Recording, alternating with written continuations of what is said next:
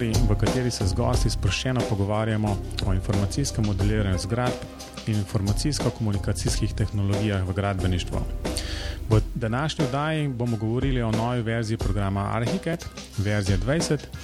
Um, program je bil izdan v začetku junija, slovensko predstavitev je program doživel na dveh dogodkih, 20. junija v Ljubljani in 21. junija v Mariboru, ki jih je pripravil Pilon, ki je uradni zastopnik za program Archicad v Sloveniji.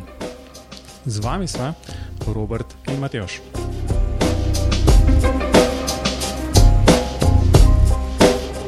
Robi, pozdravljen. Lep pozdrav. No, smo sredi dopusta, ampak um, očitno mi delamo. Danes imamo gosta, Gora Strajh je to, ki iz podjetja, prihaja iz podjetja Pilon. No in z Gorazdom se bomo očitno pogovarjali o pač no, novih stvarih, ki jih prinaša nova verzija Arhikeda. Pozdravljen, Gorast. Lepo zdrav vsem skupaj. Um, zelo lepo in zelo vesel sem, da, da si si vzel čas um, in se oglasil v tej, v tej oddaji. Povej, lahko nekaj besedah poveš nekaj o sebi, v bistvu, tako da bojo poslušalci vedeli, s kom se pogovarjamo. Uh, ja, e, seveda, tisti, ki me uh, ne poznajo iz uh, številnih predstavitev Arhikeda, demonstracij in tečajev in tako naprej, um, ne izvejo, da nisem arhitekt, nisem gradbenik, sem uh, po izobrazbi strojnik, inženir strojništva, ki je slučajno zašel na to pot, že eh, se pravi, softvera za arhitekte. Eh, že dolgo časa nazaj, leta 90, eh, sem se pridružil eni ekipi, ki je takrat po Sloveniji prodajal en program, ki se je imenoval Kedi. To je bil nemški softver, takrat velika konkurenca AutoCAD-u. In tako se je začelo, ker za strojništvo so že imeli nekoga, so mene porabili za arhitekturo in gradbeništvo, tako da eh, za res nikoli nisem delal v strojništvu, ampak sem se vedno nekako bolj držal uh, arhitekture, gradbeništva in tega. Um, potem sem za par let malo presedlal na, uh, izključno na hardware, sem bil v računalniškem podjetju, kjer sem skrbel za uh, takrat zelo cenjene delo, grafične delovne postaje Silicon Graphics. Uh, sem bil nekako produktni vodja za to. V Sloveniji, uh, no, leta 2002, pa smo skupaj z Matjažem ustanovili podjetje uh, Pilon AEC, ki se ukvarja izključno z Arhikedom in softveri, ki so v tej, uh, v tej branži, se pravi, ne samo Arhiked, ampak tudi ostale aplikacije za statične preračune, za vizualizacije in tako naprej. Tako da to na kratko, se pravi, z Arhikedom sem od verzije 7, um, 14 let, uh, tukaj predvsem skrbim za demonstracije, za podporo uporabnikom, uh, tudi tečaje um, in take stvari. Zdaj, če se bi malo pohecel, uh, a, a Kedi še obstaja?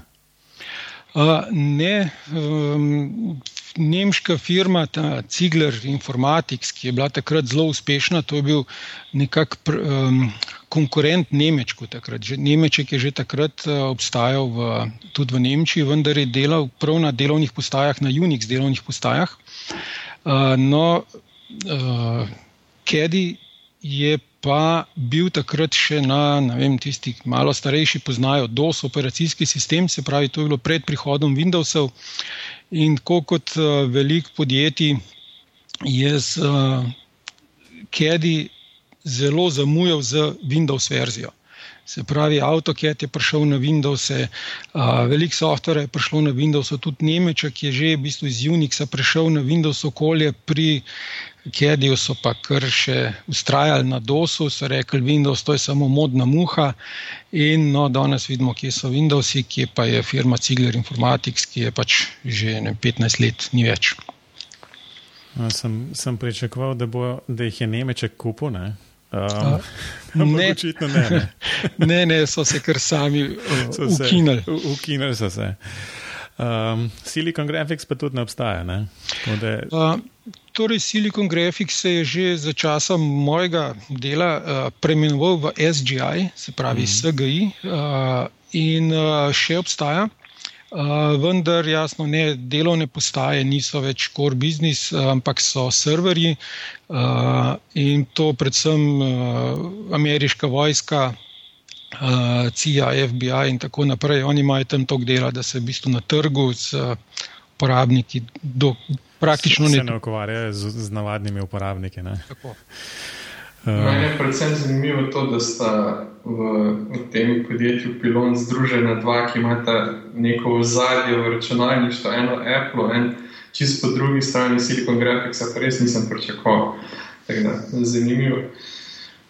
Um, ja, um, torej, hardware, uh, ravno takrat, ko sem jaz pač se s Silicon Graphicsom ukvarjal v moji prejšnji firmi, prejšnji zaposlitvi, uh, je Silicon Graphics nekako tudi uh, se izpel, kar se tiče delovnih postaj. Unixa praktično ni več na, na mizah običajnih uporabnikov. No, in takrat smo začeli s, potem s računalniki Compact. Vem, tudi malo starejši se boste spomnili, to je bila gigantska firma, ki jo je kasneje kupil Hewlett Packard, tako da tudi kompaka ni več. Um, tako da ja, tukaj se veliko uh, velik dogaja in noben ne more biti siguren, da čez 10 let, 20 let bo pa še kar uh, samo po sebi umevno, da bomo nekaj uporabljali. Mogoče tudi Windowsov ne bo več, bo kaj drugega. Ja, še kaj bomo. To pa definitivno. Uh, je preživel tako Silicon Graphics kot Compact, kot še marsikaj drugega. Uh, 32 let je že na, na trgu in uh, torej, jaz upam, no, da uh, je pred nami še, še svetla prihodnost. Današnja osrednja tema se vrti okoli nove verzije programa Arhicad. Skratka, verzija 20 je bila začetku junija izdana. Um, skratka, plan je, da gremo skozi tiste najpomembnejše nove stvari, um, tako da bi mogoče um, kar začeli. Um, skratka, lahko povemo, da, da se te stvari so objavljene na, na spletni strani arhiket.com, skratka na levi strani. Uh, če bojo poslušalci šli na tisto stran, bojo videli Arhiket 20. No, in tam so neke štiri točke in vsaka točka ima v bistvu še, še neke, neke podstvari omenjene. No okoli tega se bomo danes pogovarjali, jaz verjamem, da večina poslušalcev Arhiket pozna, če ga že dnevno ne uporablja, pa vsaj so slišali za njega in so ga kdaj videli, tako da se ne bi um, pogovarjali o osnovah Arhikeda, ampak gremo kar na, na pač tiste stvari, ki so recimo temu najbolj nove in najbolj sveže. Um, zdaj, vse skupaj se začne skratka, na spletni strani z naslovom okoli tega IA. Ne? Mi imamo tle na spletni strani oziroma podkastu govorimo o nekem meju. No, Arhiket oziroma Graphisoft se je očitno odločil, da je treba I poudariti. No, in to se vsi strinjamo, da je information. Um, skratka, lahko samo še damo neko hitro vprašanje, kaj je pa I, ne? v smislu, kaj je mogoče pa information ali pa intelligence. Um, no, ampak definitivno je to information. Um, povej, Gorast, kaj, kaj je zdaj na tem EU toliko novega, da ga je treba posebej izpostaviti? Uh, ja, takole. Um, Arhitekt prihaja ven uh, nova verzija vsako leto in vsako leto se pač neka tema, glavna, uh, izbere.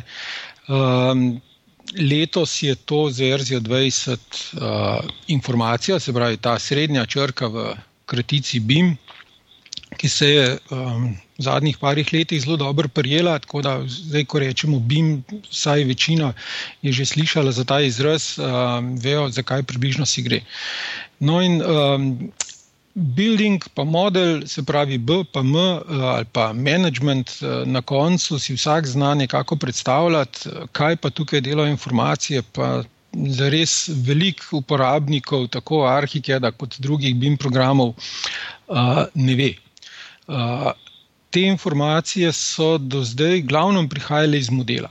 Se pravi, ko mi v katerem koli BIM programu postavimo nek stol, neko, potegnemo nek zid, ploščo, ogromno informacij o tej plošči se, je pripetih na ta element, ampak to so informacije, ki, so, ki prihajajo iz um, geometrije, iz grafike. Se pravi, zid je tako dolg, tako visok, tako debel, take ima sestave. Tako naprej, skratka, to pride avtomatično zraven k vsakem uh, takem objektu. Uh, ampak ta I, ki je v, č, v kritici BIM, uh, pomeni več. Uh, mi temu zidu lahko dodamo tudi številne uh, negeometrijske podatke, oziroma podatke, ki se. Ki jih unese um, sam arhitekt ali kasneje gradbenik, ali kasneje, ko pride stavba vem, v upravljanje, če imamo facility management, jih lahko unese upravnik, lastnik stavbe in tako naprej. Um, tukaj so podatki od vem, proizvajalca nekega stola, mize do. Um, znam, cene, do požarne odpornosti zidu, ne, do, ne vem, če imamo nek prostor, te akustične informacije. Ne, se pravi, vse, kar ne pride neposredno iz samega modela, ampak mora to nekdo noter unesti. In te informacije je bilo do zdaj v arhiki sicer možno vnašati, vendar ne tako uh, enostavno in centralizirano, kot je to zdaj uvedeno v verziji 20. No, tole, sem, tole sem jaz pred oddajo, v bistvu pred snemanjem, malo pogledal in zdaj, Robi, morda se ti spomniš, um, pred parimi leti smo en evropski projekt končali ISES, ker je ravno to bil kar velik problem, um, ker v bistvu v osnovi te BIM modeli ne vključujejo vseh informacij, ki so potrebne za neke, recimo, na tistem projektu smo se ukvarjali z energetsko, izračunom energetske učinkovitosti uh, stavbe, tako bolj podrobne. Um, in tam je bil glavni problem, v bistvu, kje in na kakšen način ta model, 3D model, v bistvu razširiti z nekimi informacijami um, tipa v bistvu, kot rečeno, nekih um, um, faktorjev.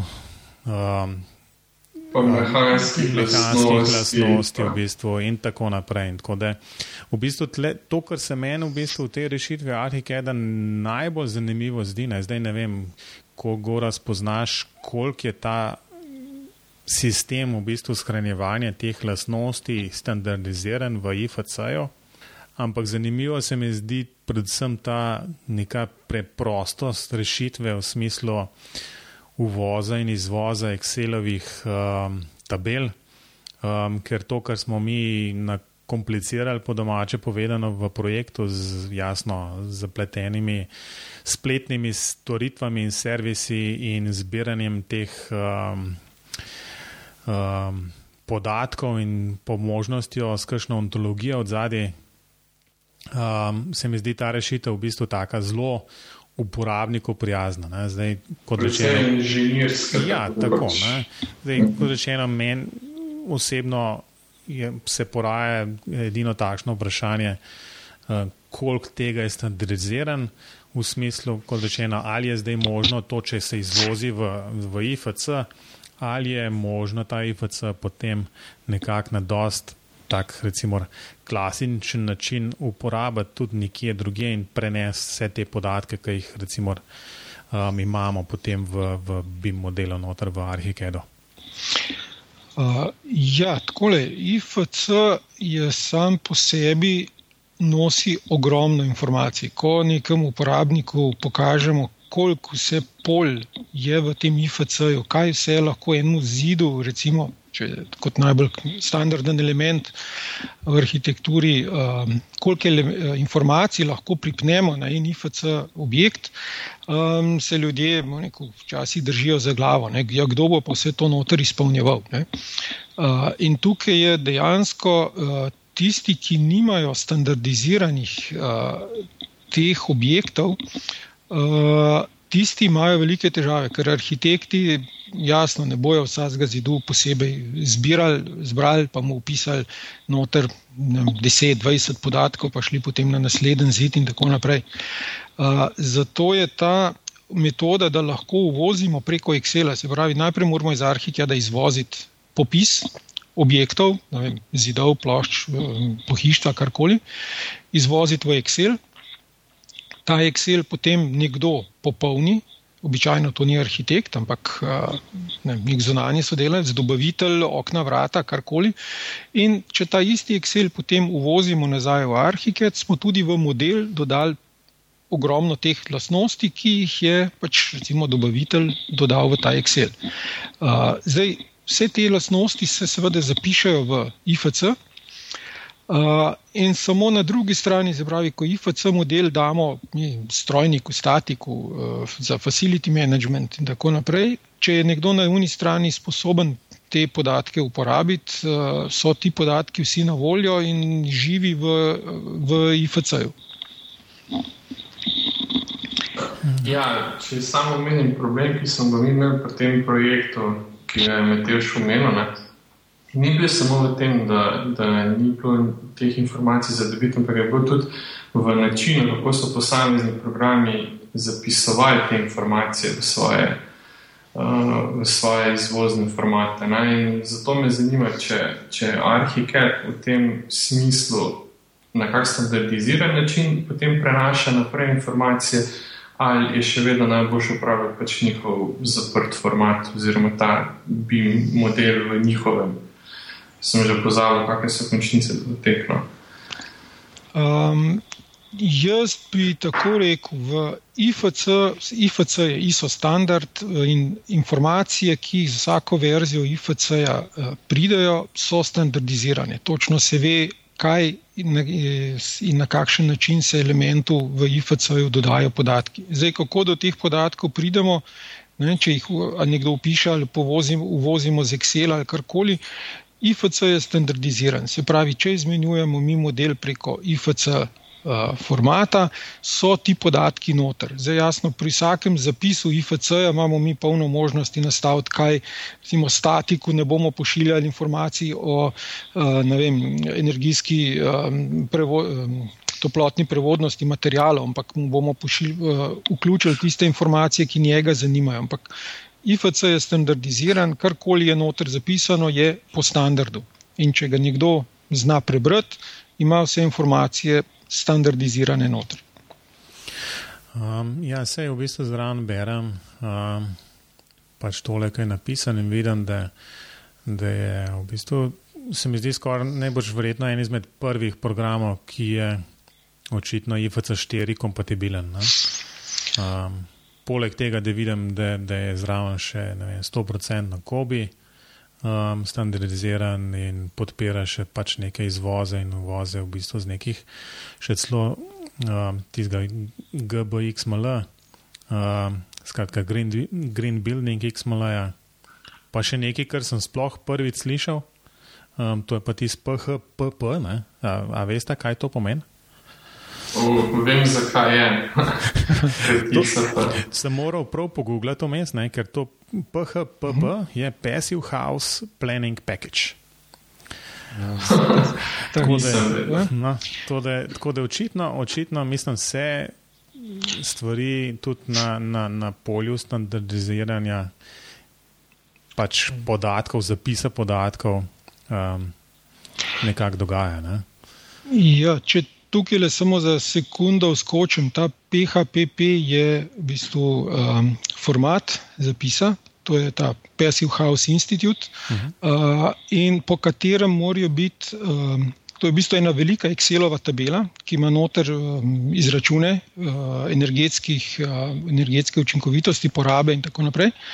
Uh, in vsako stavbo v Evropi, ki želi dobiti certifikat, da je to pasivna hiša, mora biti preračunana po, s tem Excelovim uh, filom PHP. Uh, no, in ta PHP, ko ga prvič odpreš, je zgleda uh, zelo grozljivo, skratka, ogromno. Pol, kjer je treba opisovati kvadrature fasad proti severu, jugu, kvadrature okn, kakšni so okviri, in tako naprej. No, in iz Arhikeda lahko izvozimo komplet geometrijo modela z vsemi uh, toplotnimi karakteristikami uh, posameznih sten, oken, stropov in tako naprej, uh, direktno v ta Excelov file, se pravi 80% uh, dela. Nam je prihranjeno, kar moramo še v te Excel uvoziti, so potem samo še kakšne so strojne instalacije, število pre, ne, ljudi, ki je v tej stavbi in tako naprej. Tako da to je bilo že do zdaj možno, ampak ne neposredno iz Arhikeda, zdaj pa v 20, ki je pa to standardni del tudi Arhikeda. Tako da to je med uh, arhitekti zelo poznana metoda, ker uh, ne moreš dobiti uh, ne tudi subvencij, ekosubvencij za stavbo, da je pasivna hiša, če nisi dokazal, s, da je to res pasivna s tem Excelovim filom. Hmm, fantastično. Zdaj um, bom ponovil en stavek, um, ki ga je izrekel enkrat en raziskovalec z VTT inštituta danes Finske, Mati Hanus. Um, No, in robija, ti veš, kaj je rekel. Um, Marsikaj je rekel, ne vem točno, kaj je rekel.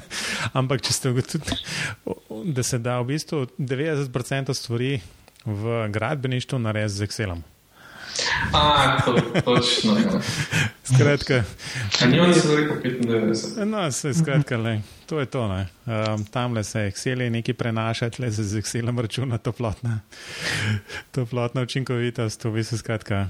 Ja, očitno, očitno je Excel dejansko zakoreninjen tukaj le v gradbeništvu.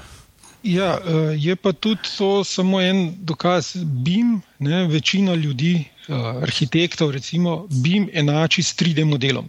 Ne.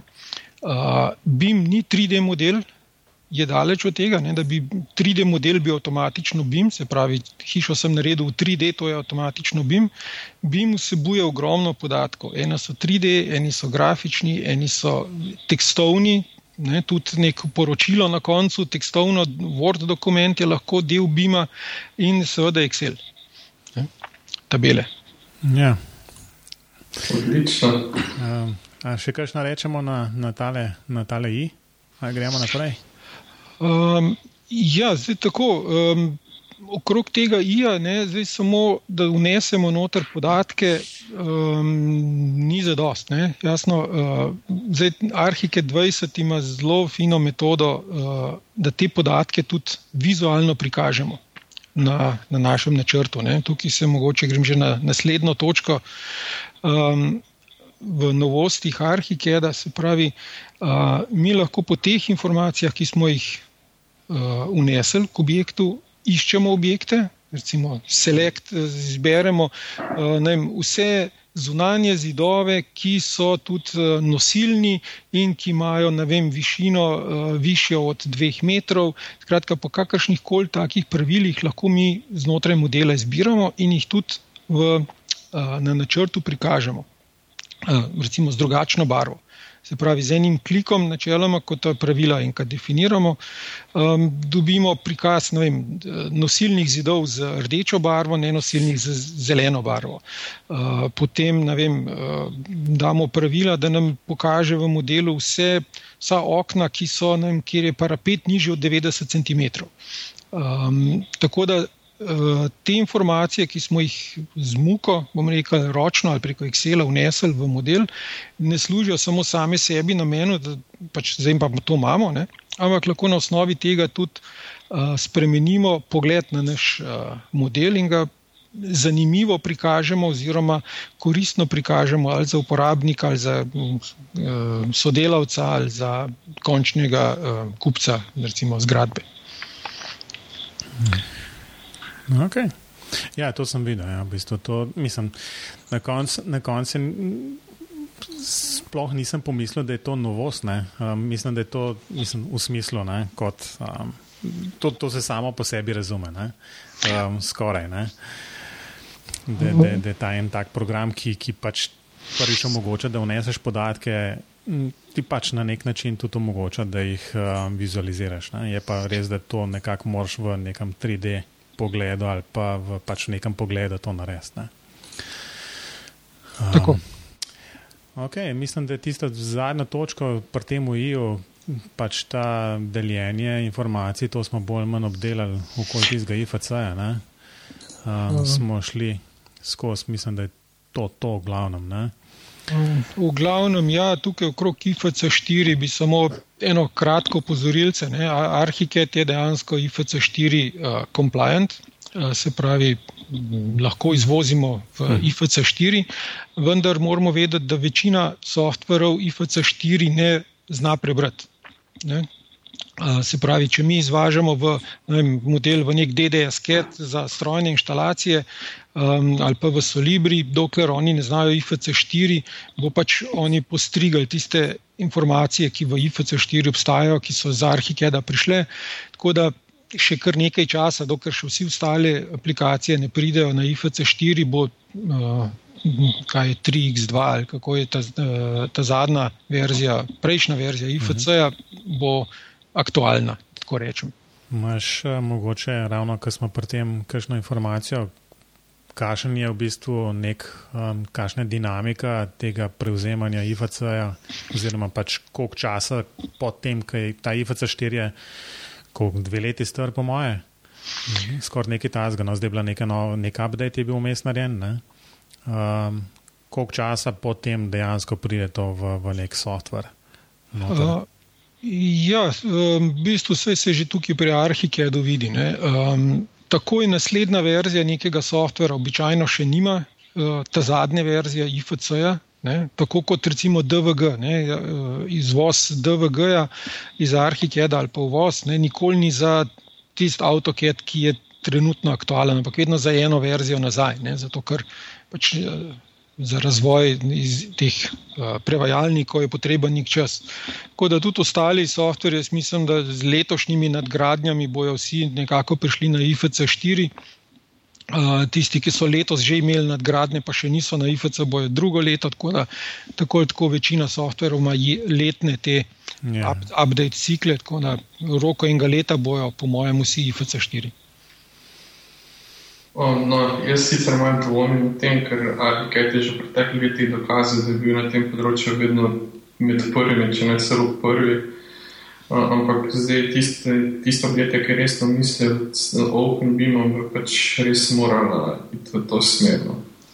Naslednja takšna točka, v bistvu, no, oziroma novost um, verzije 20, um, je v bistvu očitno um, bolj povezana z grafiko, to je malo težko opisati vse. Ne?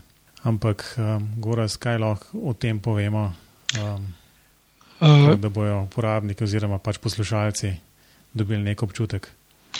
Uh, ja, tako je. To, mislim, da je škoda, da zdaj opisujemo, kako, izgleda, kako izgledajo te graf, graphical favorites, kot se po angliško temu reče, originalno. Uh, mi smo to nekako prevedli v grafične bližnjice. Te bližnjice do um, prednastavljenih objektov ima Arhiket že vem, zadnjih 15 let, imenujejo se Favorites. Uh, in princip dela je tak, da enostavno, ko nek objekt, kakršen koli, ali je to zid, plošča, stol, miza, uh, definiramo do željenega izgleda. Ne, tipičen primer so recimo okna vrata. Pri oknih imamo vem, sto različnih nastavitev, od parapeta do poličke, do kljuke, do odpiranja in tako naprej. Ko enkrat nek tak objekt oblikujemo, definiramo, si ga shranimo za bodočo uporabo. To je analogija, kot jo imamo recimo v browserju, ki imamo svoje priljubljene spletne strani in pač da ne tipkamo noter v vrstico v browserju, kliknemo na gumbek in dobimo točno tisto spletno stran, ki smo jo shranili. No, enak način je pri teh favoritih, se pravi, priljubljenih objektih.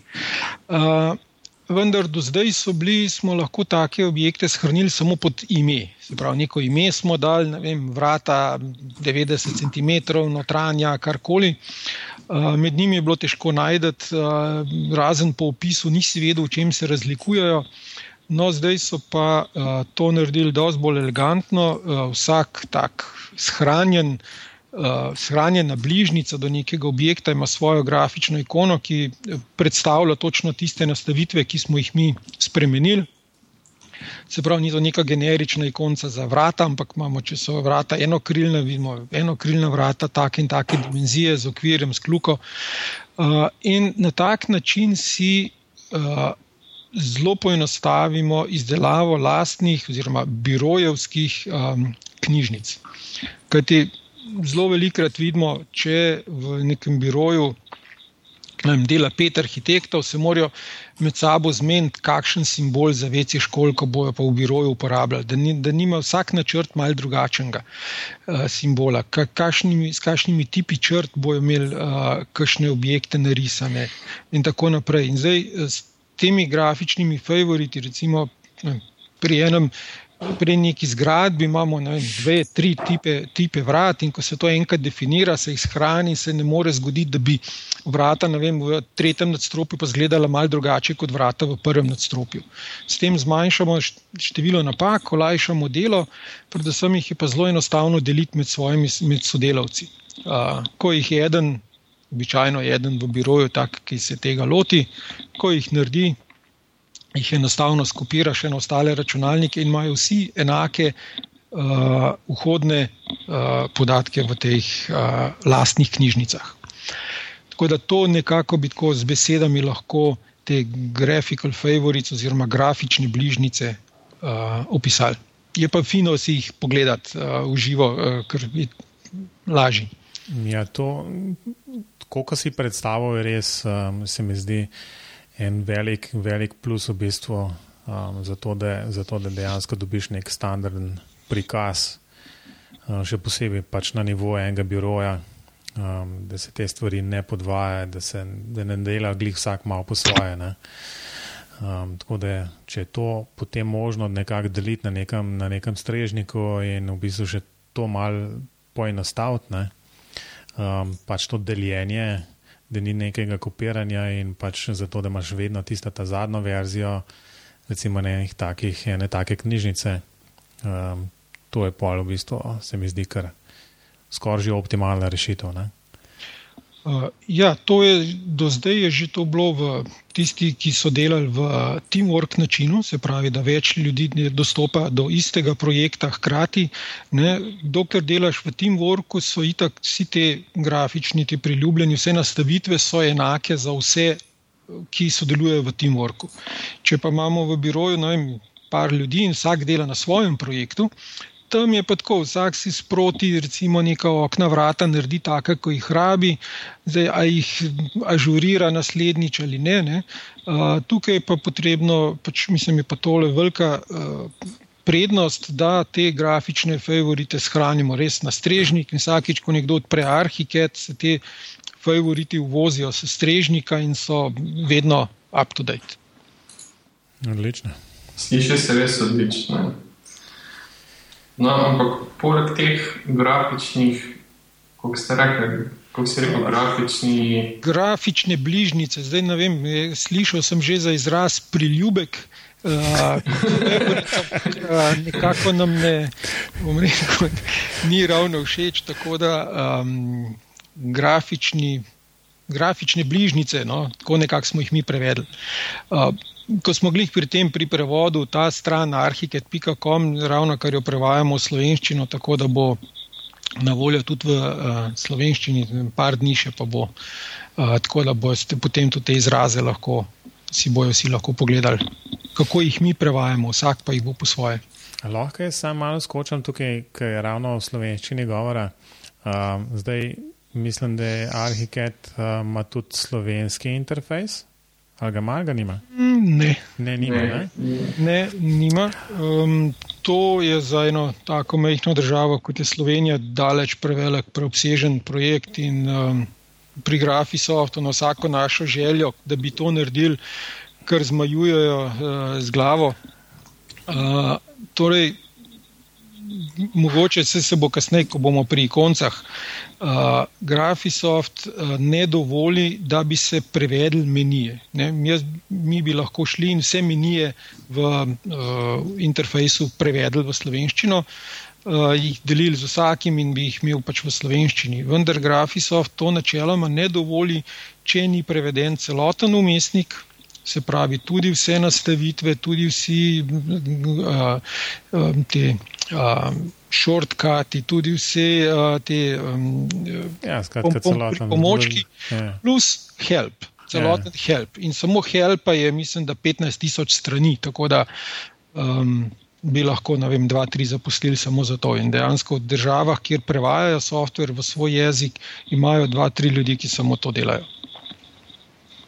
Ja, se, to, to je bilo v bistvu bolj vprašanje zato, ker pač se, ste se lotili prevajati to spletno stran. Ne? Um, uh, Zaradi tega sem mislil, da okay, je pa očitno tudi um, interfejs preveden. Ne? ne, kar mi naredimo, je uh, naredimo slovensko predlogo, slovenski template, ki, je, ki ga tudi ravno kar končujemo za verzijo 20, ki je prosto dostopen na naši spletni strani. In kar ta, splet, ta slovenski, slovenska predloga naredi, ko odpremo nov, nov eh, prazen projekt v Arhiki, za uporabo te slovenske predloge, dobimo okolje in nastavitve pri, prilagojene, delno prilagojene slovenskim načinu uporabe ali pa načinu projektiranja v Sloveniji. Se pravi, layeri so prevedeni, mate, gradbeni materijali so prevedeni, um, informacije o materijalih po Pure so 2010 so unešene noter se pravi toplotne prevodnosti materijalov, pripravljeni so popisi, glava na listih in tako naprej. Ampak sam uporabniški umestnik je pa v angleščini, imamo tudi nekaj uporabnikov, ki ga uporabljajo v nemščini in celo par v italijanščini, ker jim pač to uh, bliže. Ampak uh, v slovenščini ga pa še ne pričakovati, uh, kaj k malu. No, sej, um, jaz sem bolj, nekako bolj proti temu prevajanju, no, zato ker se mi zdi, da je to, ko gledam študente, ki uporabljajo um, slovensko verzijo Worda, um, se mi zdi, da imajo na koncu problem v bistvu z angliščino. Um, in ja. razumeti nek, nek help, v bistvu, ki pa jasno, ki jih pogooglaš, dobiš pa jasno zadevo v angliščini.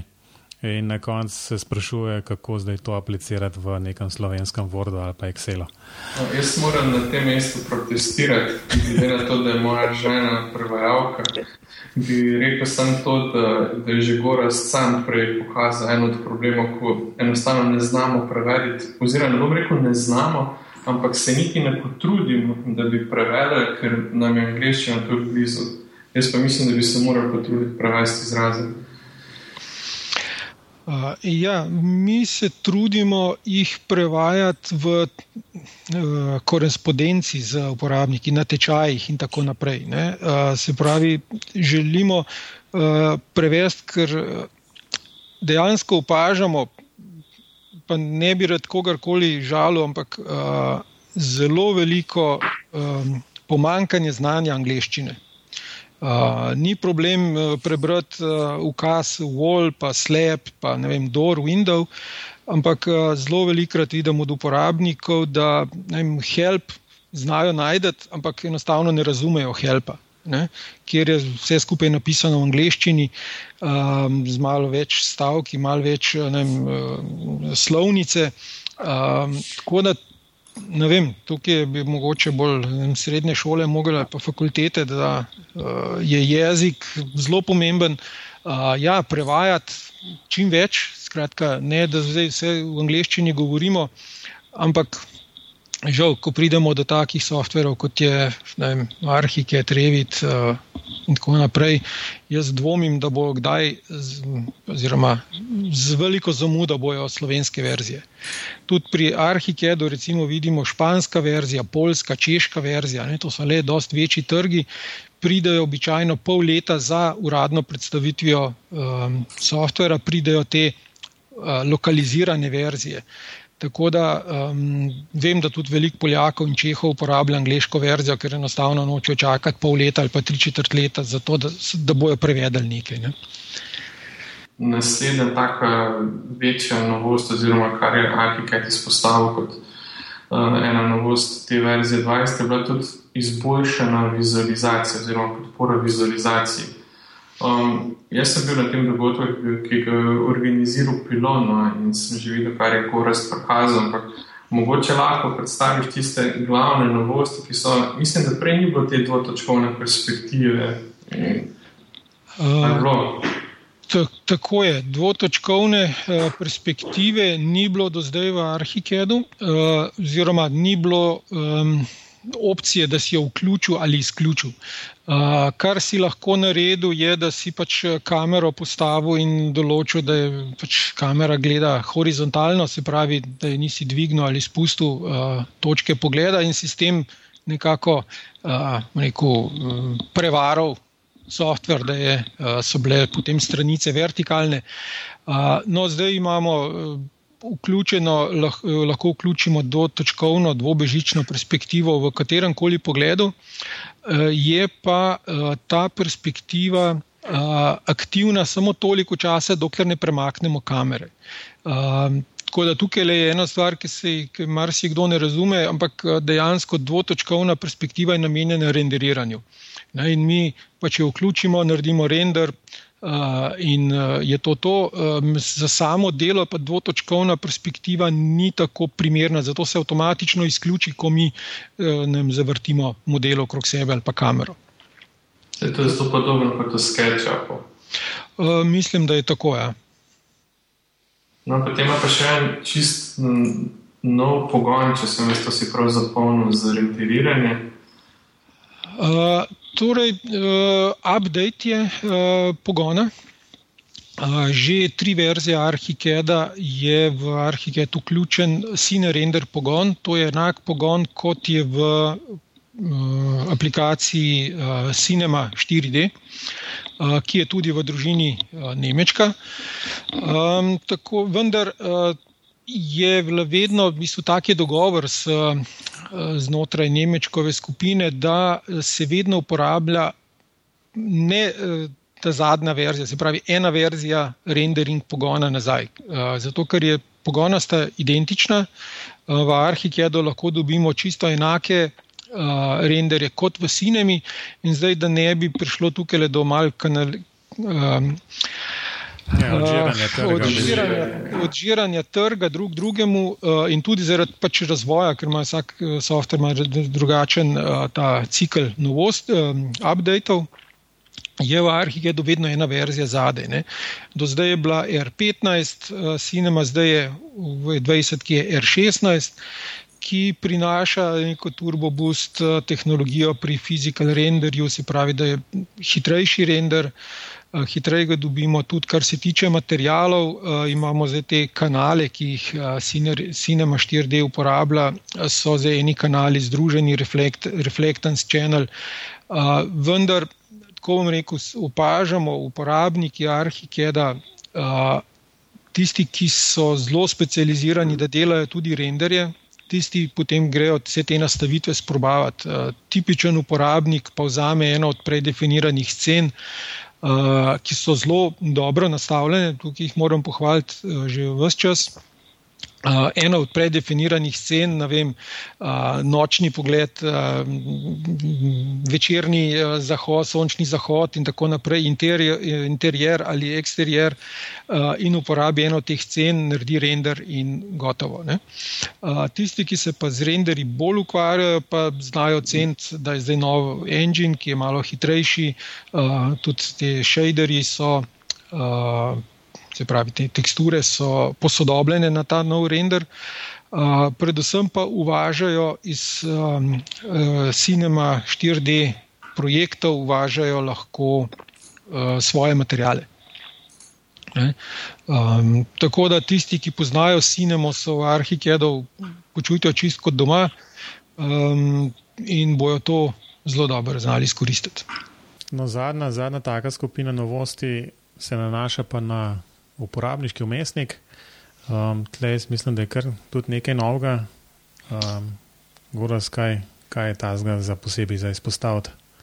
Uh, ja, tukaj um, jaz sem vsako leto uh, tudi beta tester uh, novih verzij, tako da jaz nove verzije vidim že tam nekje konec marca. Uh, In daleč najbolj sem bil skeptičen okrog teh novosti pri uporabniškem umestniku, ker um, tisti dolgoletni uporabniki Arhikeda se mogoče še spomnijo spremembe uporabniškega umestnika iz verzije 7 na 8, na Arhiked 8. Takrat je bila to skoraj revolucija, stari uporabniki so rekli, da v raj zamenjajo, kot da bi ta nov uporabniški umestnik uporabljali. No, to se je potem v parih mesecih malo zadeva umirila. Spremeniti uporabniški umestnik nekomu, ki že deset let uporablja program, je hudo, lahko hudo tvegana, tvegana naloga. Uh, ampak to je bilo dejansko treba narediti. Uh, te ikone, ki so bile, niso bile primerne, predvsem za danes novejše zaslone. Predvsem tisti, ki so na Meku, so bili zelo razočarani nad uh, temi retina zasloni. Uh, ker jih Arhiket sploh ni podpiral. Enostavno v Arhikedu so se pač ikonice povečale, ker so to rastrske ikone, so bolj, ko si jih povečeval, jasno, bolj um, zamegljene, uh, so postajale slabše vidne. Um, predvsem to tudi sodobni uh, zasloni imajo uh, na Windowsih, ne, imamo 4K ločljivost, uh, zelo čiste fonte in tako naprej. In pa ogromno je bilo težav pri uh, tem, da so elementi uporabniškega umestnika do zdaj v Arhikedu so, bili, so se nabirali skozi leta ni bilo konsistentnih barv, konsistentnih oblik, ene ikone so bile 2D, ene 3D, ene črno-bele, ene barvaste. Skratka, tukaj je bilo treba narediti red in uh, vem, da je Graphisoft to na Arhikedu delal zadnji dve leti. Imeli so prav uh, posebno skupino, ki se je ukvarjala samo s uporabniškim umestnikom. Najeli so zunanjo.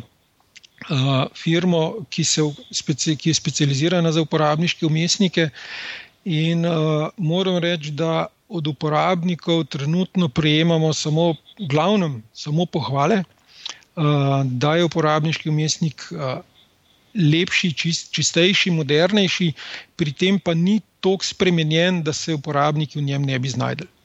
Uh, tako da to mislim, da je glavna pohvala.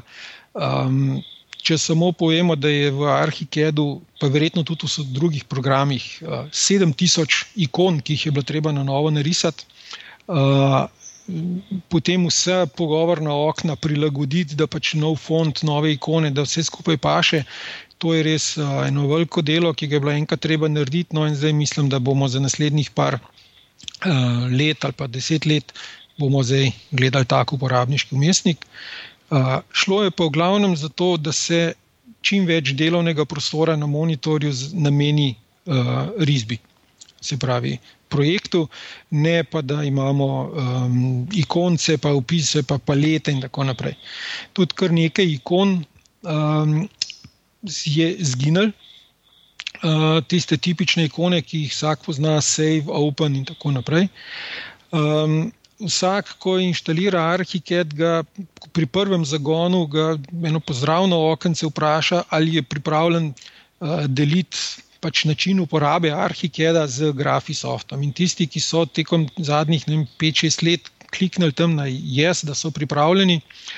Uh, Vsa njihova interakcija s programom, se pravi, ne projekti, da ne bi kdo tukaj kaj narobe mislil, ampak interakcija s programom se je beležila in analizirala zadnjih par let, in so ugotovili na osnovi tega, katere ikone, katere funkcije se uporabljajo pogosto, katere uh, se skoraj nikoli ne uporabljajo.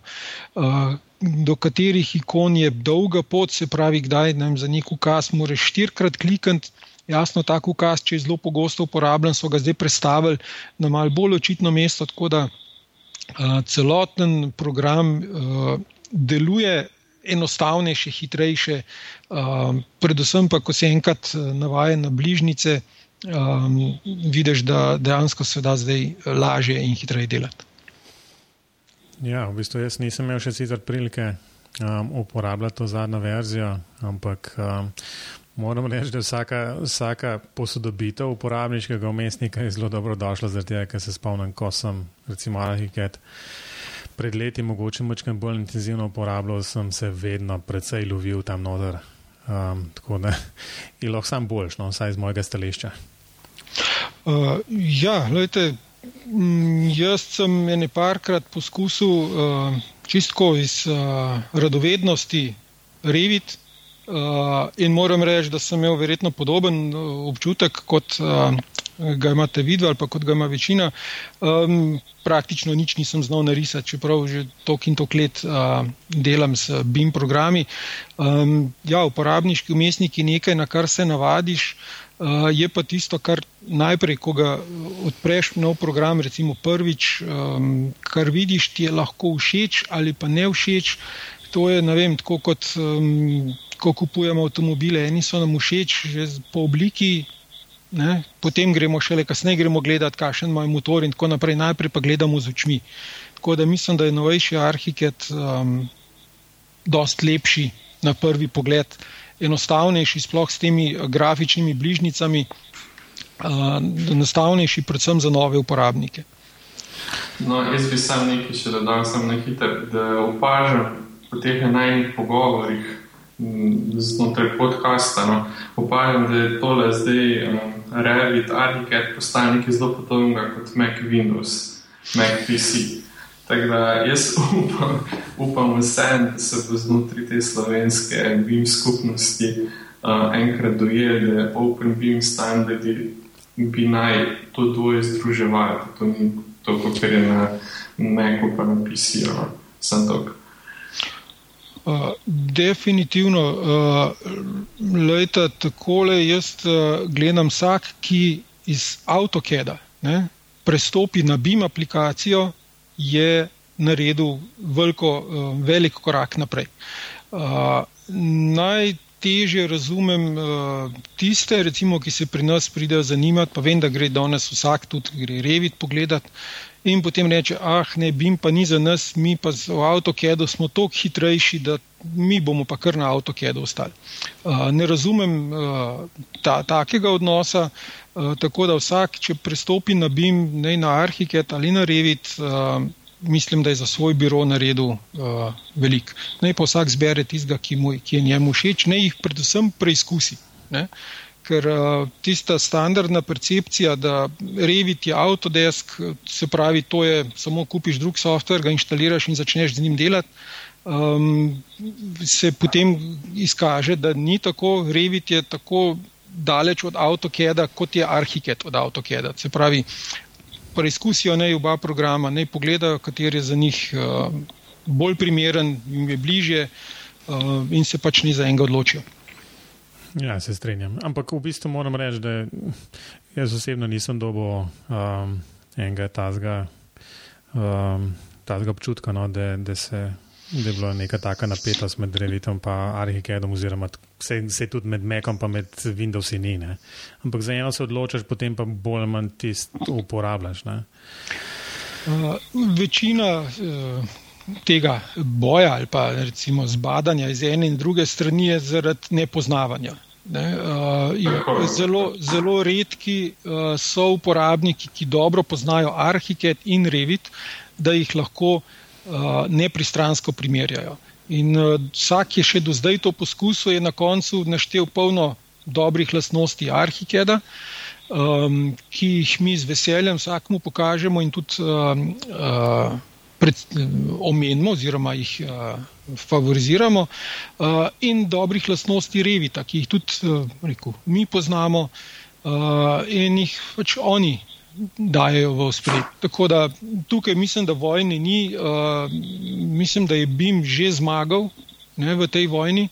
Um, važno je, da, oziroma najbolj važno bi bilo, da na fakultetah, pravi gradbeni, arhitekturni uh, fakultetah, uh, enostavno študentom v prvem letniku povejo, da je 2D risanje ni več. Ne.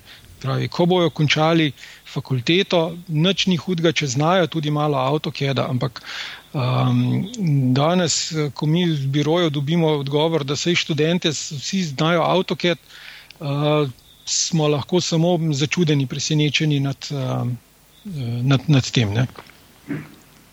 Ja, se strinjam. Um, to, to, to je letelo sigurno na, na, na najzrobje um, oziroma tudi na vse ostale, v bistvu, ker smo študenti bolj um, povezani, um, na vsak način je treba. Čeprav jaz mislim, na koncu koncev študenti, vsaj ti novi, ki prihajajo, so v prvem, drugem letniku, v bistvu že imajo nekak tak občutek, ne, da, da bi mi je nekaj, kar, kar ni nekaj, kar prihaja, ampak je tukaj in to je pač dejstvo in je se s tem treba ali na lep ali pa na grd način sprijazniti. Ali to hitreje sprejmeš, um, toliko boljš v bistvu nekako lahko delaš naprej. Ne? Um, ni tukaj letel na kogarkoli osebno. ne, ne, se nisem mislil osebno. Ali smo pripravljeni, da gremo na Smo, novice in priporočila. smo. Robi, ština poveda. Ja, no, ti že imamo vsak dan en sklop, ki smo ga ponovali novice in priporočila. Če ima kdo uh, od najnih gostov kakšno novico oziroma priporočilo oziroma karkoli bi rad sporočil poslušalcem, mi do običajno predstavljamo, kakšne zanimive novice pa na kar smo naletela od prejšnje daje do zdaj. Tako da mogoče gorast imaš kakšno novico, priporočilo, zanimivost. Uh, torej, m, nisem prav posebej razmišljal, zdaj ko sem na, na hitro malo pobrskal po spominu za zadnjih par dni. Najbolj me je uh, presenetila, razveselila uh, ena novica. Uh, firma Nemeček je lastnik tudi uh, pred časom je kupila firmo Solibri. Uh, ne vem, če ste kdaj s kom že okrog tega govorili. Se pravi, Solibri je softver za uh, preverjanje uh, BIM modela na osnovi IFC-ja in tako naprej. To je skandinavski softver, uporabljen praktično po celem svetu. No, ampak novica, ki je, je da uh, so najavili uh, integracijo oziroma uh, vem, zopet te prevodi close collaboration, ne, kako bi se to Ja, tesno sodelovanje. tesno sodelovanje med Solibrijem in Arhikedom. Se pravi, uh, Solibri do zdaj je vedno pre, prejemal delo na osnovi IFC filov, ampak iz te novice, ki je tako zelo malo meglo zavita, um, se da sklepati, da se bo uh, Solibri lahko, da bo lahko Solibri uvažal tudi neposredno Arhikedove modele. Kar uh, se mi zdi velika stvar, ker zunaj pri malo večjih projektih, praktično ni projekta, ki ne bi vključeval tudi Solibrija.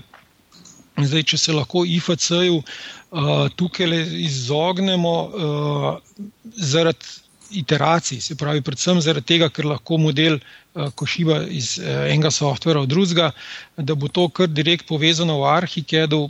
Uh, pri čekiranju, se pravi, modela v Arhikedu, se mi zdi to um, zelo fina zadeva. Bom pa poiskal link na to novico, pa vam jo uh, pošljem, tako da lahko še kdo drug pogleda. Odlično. Super. No, moje priporočilo uh, za, za to dajo je pa povezano z najnim prejšnjim gostom, um, ker so oni, njegova skupina, ti njegovi sodelavci in somišljeniki, so končno javno objavili prvi BIM blog s pripadajočim forumom v Sloveniji, domuje na eni odlični domeni BIM.si. Um, Jaz sem malo pobrskal, eno vsebine so prenašanje iz enega drugega bloga, so že neke dodatne vsebine, tako da vsem, ki vas zanima, priporočam obisk bim.si. Um, no, z moje strani, jaz sem pobrskal malo po internetu in poizkušal najti um, nekaj blogov, um, ki so recimo temu bolj um, blizu Arhikedu. Um, kar nekaj takšnih, tudi nekaj takšnih v različnih jezikih se naš, najde na Graphisoftri spletni strani, no te dva, ki, oziroma te tri, ki sem jih tukaj um, omenil, oziroma to je BIM 6X blog in pa BIM Engine blog in pa še en, ki um, je Bond Brian Digital BIM blog. Um, skratka, to so nekako um, tisti, ki bi jih recimo jaz priporočil, da si jih uporabniki Bima, katerega koli programa, še posebej Parheda, uh, pogledajo. Stvari so zelo zanimive. No, še posebej na zadnjem je ena takšna um, recimo, zelo zanimiva zadeva. Um, skupina člankov na temo Lego Architecture meets Bim. Um, mislim, da je teh člankov na to temo nekih osem. Ogromno. In pa avtor obljublja, da bo knjižnico um, BIM um, modelov Lego kock um, dal na voljo v, za prosto uporabo, tako da na koncu lahko sestavimo pravo hišo, Lego kock, um, jasno v virtualnem svetu. Um, po možnosti to povežemo še s 3D printerjem, pa smo zmagali. Um, tako da je zelo zanimivo branje. Um, predvsem je, so pa te članki namenjeni za, tako, um, za recimo, mečken bolj poenostavljeno um, razlago, kaj BIM sploh je. Tako da je zelo zanimivo branje. Ok, to so bile novice, gremo kar hitro naprej, ker smo um, očitno um, zelo dopustniško razpoloženi in smo dolgi in razglabljamo vse počes. Um, skratka, hitro vprašanje. Gorast, tukaj boš ti odgovoril na tri standardne vprašanja. Prvo vprašanje je, um, BIM programska oprema, ki bi jo oziroma ki jo uporabljaš. Uh, ja, en program sem tako. Arhitekt, uh, definitivno, čeprav sam nisem projektant, ne projektiram, ampak cel dan sedim za njim, rešujem probleme uporabnikov, svetujem, pišem in tako naprej. Tako da arhitekt, definitivno. Uh, omenil bi še uh, ene par softverov, ki jih tudi dnevno uporabljam, ki so, da ne bo zdaj kakšnega marketinga, brezplačni. Uh, to je uh, Tekla Beamsite, Se pravi, če jim delate z IFC-jem, teklo BIM-site, si inštalirajte brezplačen program, preverite uh, IFC model, um, kolizije, če imate še strojne inštalacije ali pa konstrukcijo, preverite kolizije in take stvari. Tako da to je vsakodnevno. Um, pa, dobro, še polhen še drugih, ampak arhiket jasno prednjači. No, naslednje vprašanje imamo z Matejem vedno najraje. In sicer zanima nas, kako razumeš BIM. Ali je tisto M na koncu, ali je to model ali je to proces. Uh, Tisti M na koncu je definitivno model, uh, pa ja, trenutno model, vendar, uh, vendar uh, BIM je proces. Uh, kot sem že med. Uh, današnjim tem pogovorom povedal, da uh, 3D model ni enako BIM. Ne, uh, BIM so informacije, BIM so, uh, je model, ki se ga dopolnjuje tekom celotnega uh, življenjskega, doba, uh, življenjskega cikla stavbe. Uh, večina ljudi BIM razume, predvsem arhitekti, ja, jaz svoj projekt naredim in zdaj je konec. Uh, tudi v vašem prejšnjem uh, uh, blogu, podkastu je bilo omenjeno facility management, da prave vrednosti BIM-a, kakorkoli je že zdaj koristen v fazi projektiranja, ampak te glavne prednosti BIM-a se poznajo kasneje, ko stavba začne živeti. Vsi živimo v stavbah uh, in vsak ve, kaj vse bi spremenil, če bi imel možnost v teh stavbah. In, um, Tako da BIM je definitivno proces, ki ga, se ga ne da ustaviti in je tukaj. Skratka, bom moral napisati proces, čeprav sem um, bil zelo začetka vesel, da je to model, ampak v redu. No, pri meni je bilo ravno obratno.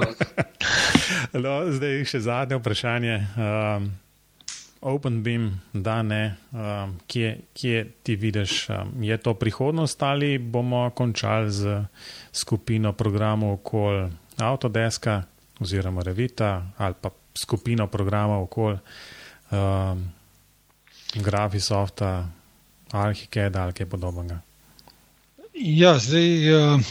Tako, tukaj sem jaz mehen drugačni vlogi kot recimo uporabnik. Če bi uh, bil, če gledam skozi oči uporabnika, bi bil zelo žalosten, če prevlada ali Autodesk ali Nemček skupina ali ne vem, Bentley.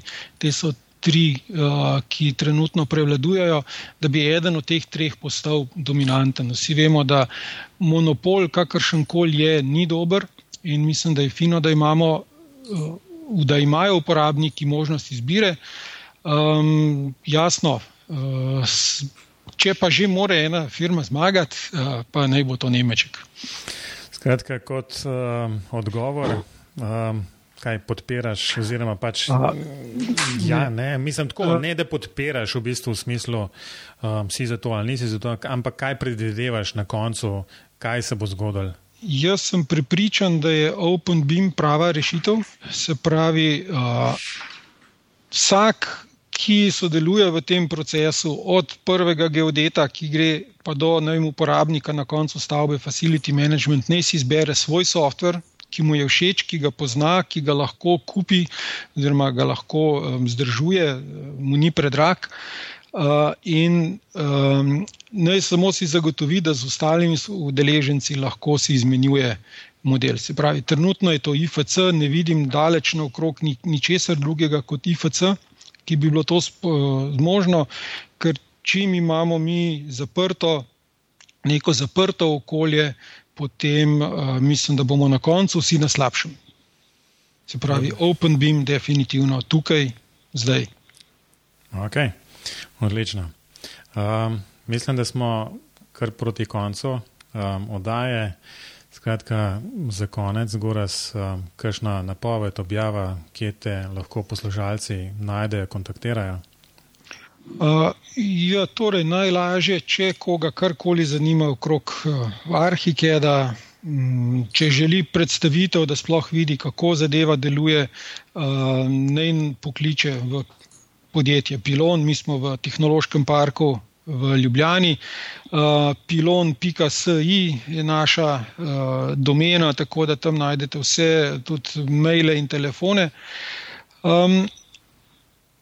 Objave, napovedi, uh, definitivno bomo zdaj jeseni nadaljevali s našimi srečanji Arhiket Mala Malca, prvega smo imeli spomladi. Eh, zelo verjetno bo ta mala malca ratala kar velika malca, ker bo pretvorjena v Arhiket Akademijo, ki jo um, organiziramo vsake dve leti. To bo uh, dogodek, verjetno nekje oktobra, datumov še ni, ampak bomo objavili, uh, ki ni tako strogo vezan na Arhiket. Tukaj ni, da kažemo funkcije, kako se z Arhiketom dela ali kakšne tečaje, ampak uh, Arhiket oziroma BIM v praksi. Uh, kar nekaj um, zanimivih sogovornikov oziroma predstaviteljev iz uh, Slovenije in iz tujine uh, imamo že uh, nekako osnovne dogovore narejene, tako da bo to en celodnevni dogodek, ki ga bo vredno obiskati. Ne samo za arhivet uporabnike, ampak tudi tiste, ki se odločajo ali končno iti z 2D na BIM ali ne. Pred, pred oddajo smo se nekaj pogovarjali, če te lahko spomnim. Um, Nekaj smo, nekaj smo rekli, da bi za poslušalce naredili. Uh, tako. Um, ja, jaz sem ponudil uh, čisto sveže uh, majčke. Imamo sicer samo v eni velikosti, moški in ženski, se pravi uh, z motivom Arhike 20. Tako da kar lahko javno rečemo, tisti, ki se prvi, ne vem, lajka uh, ali uh, karkoli potrdi uh, svojo uh, navdušenje nad uh, temi podcasti, uh, pa se oglasi pri nas, uh, bo dobil uh, majčko, moško ali žensko, uh, ne glede na spol. Odlično. Um, Robi, povej, kje in kako te kontaktirajo poslušalci. Um, no, meni še vedno ni težko najti. Uh, če me kdo želi kontaktirati, najlažje bo, da v Google piše Robert Klinc in mislim, da prve tri strani so moje, nisem pa gozdar. um, v redu, um, tudi uh, moje pač, informacije so takšne kot vedno do zdaj, skratka najlažje, ker na mateždolenc.com. Um, tam boste našli tudi link na pogovore, skratka, pogovor, BIM pogovori so pa na spletu bimpogovori.com. Najdete nas pa tudi na Facebooku in Twitterju, tako da bomo zelo veseli, oziroma bomo zelo veseli, če boste kaj polajkali, kaj napisali na Twitter. Um, tako da to je za danes vse. Goras, res najlepša hvala, da si se sredi poletja vzel čas in um, pač čas za, za tole vdajo. Tako da upam, da, da boste imeli veliko pozitivnih informacij, uh, oziroma pač pozitivnega feedbacka na, na Arhiket 20. Hvala za povabilo. Ja, adijo. Adijo. Adijo.